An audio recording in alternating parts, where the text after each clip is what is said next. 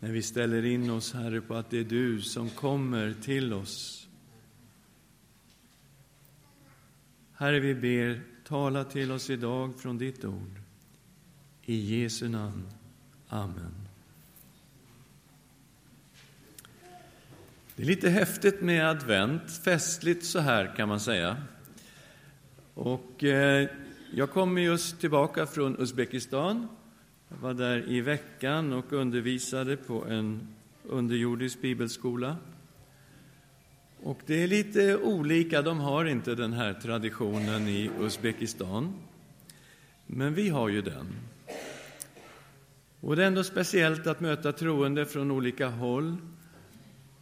Och samtidigt eh, är det en hälsning därifrån, från en förföljd kyrka som har det väldigt svårt. Jag frågade en av ledarna där om de bedömer hur det är nu och hur det var under Sovjettiden. Och de säger det är värre nu än vad det var under Sovjettiden. Så att eh, mm, de kristna har det inte lätt. Bibelskolan var decimerad. Det var en grupp unga damer som inte var där, som brukar vara med. Och eh, polisen har kommit på dem att de har blivit kristna. De har blivit misshandlade, några stycken, av polisen. Och en av dem hade flytt Uzbekistan och höll till i Ryssland nu.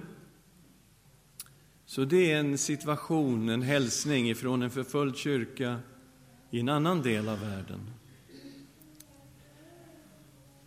Och här samlas vi i all frihet till gudstjänst i adventstid. Och vi jublar och sjunger Hosianna, Davids son.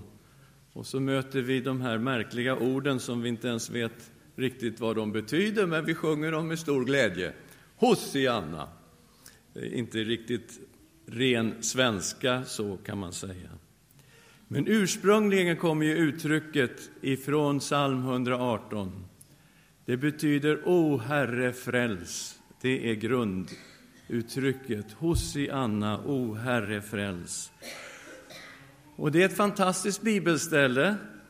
Det står Detta är den dag som Herren har gjort. Låt oss jubla och vara glada.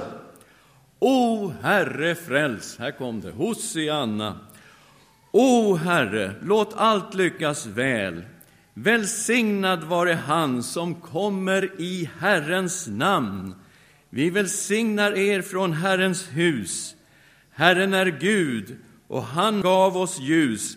Ordna er i högtidsled med lövrika kvistar i händerna fram till altarets horn. Vilken psalm! Och så ser man framför sig palmsöndagen, när människorna står där med lövrika kvistar i händerna och viftar och sjunger Hosianna, Davids son, välsignad vare han som kommer i Herrens namn. Och man citerar psalm 118. Det är helt makalöst. När de närmade sig Jerusalem och kom till Betfage vid Oljeberget sände Jesus iväg två lärjungar och sa till dem Gå till byn som ligger framför er. Där ska ni genast finna en åsna som står bunden med ett föl bredvid sig. Lös dem och led dem till mig. Så Jesus ger en instruktion, för nu har den här dagen kommit. Detta är dagen som Herren har gjort. Nu hade den kommit och han berättar för lärjungarna vad de ska göra.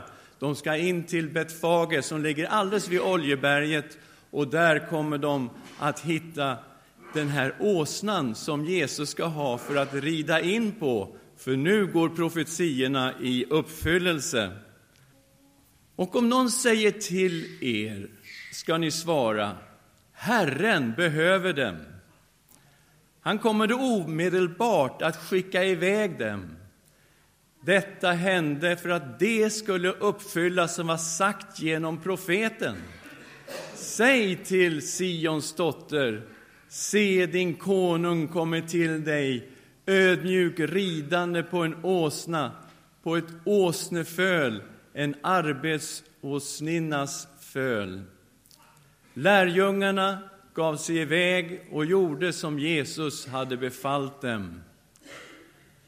Ännu en profetia, inte bara den i psalm 118, skulle nu gå i uppfyllelse. En till skulle gå i uppfyllelse precis samtidigt ifrån Sakarja kapitel 9, vers 9 om Se, din konung kommer till dig, ridande på en åsna. Och det, den profetian skulle också gå i uppfyllelse vid det här ögonblicket. Därför skickar Jesus iväg lärjungarna och ger dem instruktioner om hur de ska hitta åsnan som han skulle sitta på. De förde åsnan och fölet till honom och la sina mantlar på dem, och han satte upp. Folkskaran, som var mycket stor, bredde ut sina mantlar på vägen. Andra skar kvistar från träden och strödde på vägen. Och folket, både de som gick före honom och de som följde efter, ropade Hosianna, Davids son, välsignad är han som kommer i Herrens namn, Hosianna i höjden. Vilken fantastisk situation!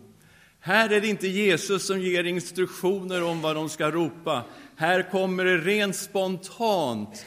På något ställe står det att de började tacka Gud för alla de under som de hade fått se Jesus göra, och så bara bubblade fram Hosianna-ropen från psalm 118. Här kommer Jesus ridande på åsnan. Människor är glada, de har lövrika kvistar i händerna och de jublar över Jesus som kommer in och rider mot Jerusalem. Men alla var inte så glada. Några fariseer i folkmassan sa då till honom, Mästare, säg åt dina lärjungar att tiga.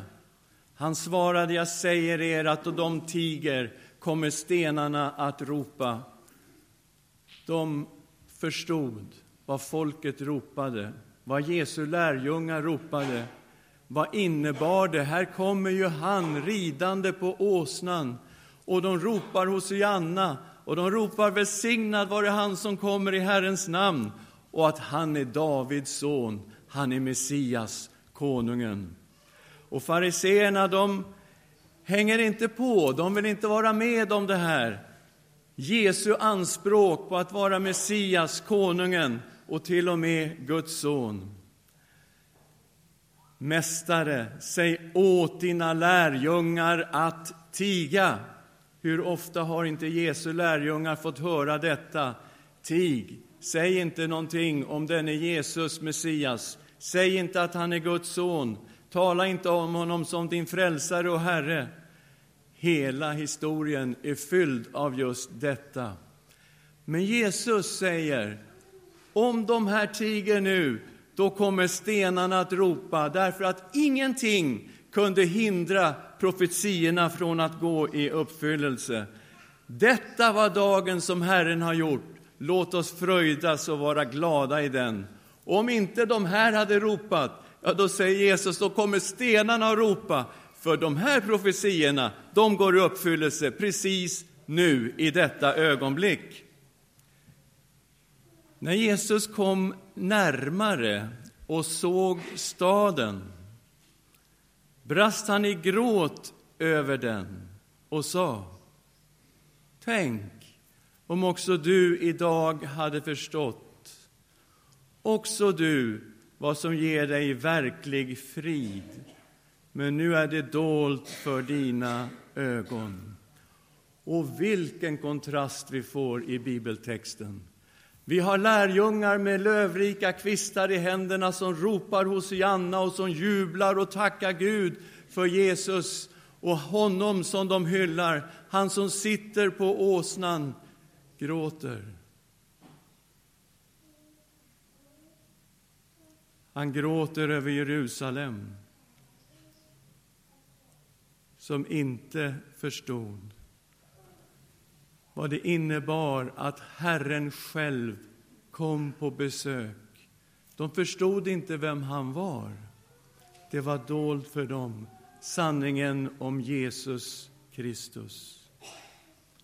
Vilken kontrast vi får i texten av en gråtande Jesus som närmar sig Jerusalem. Vi är ju här för att också vara med och hylla Jesus. Vi är också här för att sjunga Hosianna, Davids son. Men kan det vara så att han som en gång grät över Jerusalem gråter över oss idag? Kan det vara så? Och det har ju att göra med har vi tagit emot honom i våra hjärtan? Har han fått bli vår kung, Messias, Guds son? Det är det som var avgörande den gången och det är det som är avgörande idag. Att vi inte bara ropar Hosianna, Davids son, välsignad vare han som kommer i Herrens namn, utan att vi också tar emot honom i våra hjärtan som vår Herre och Frälsare. Låt oss be tillsammans. Herre Jesus Kristus, du är Messias, den levande Gudens son. Och vi tackar dig för att vi får öppna våra hjärtan och våra sinnen för dig. Kom, Herre Jesus, i adventstid. Bo i våra hjärtan och var vår Herre och Frälsare denna dag. I Jesu Kristi namn. Amen.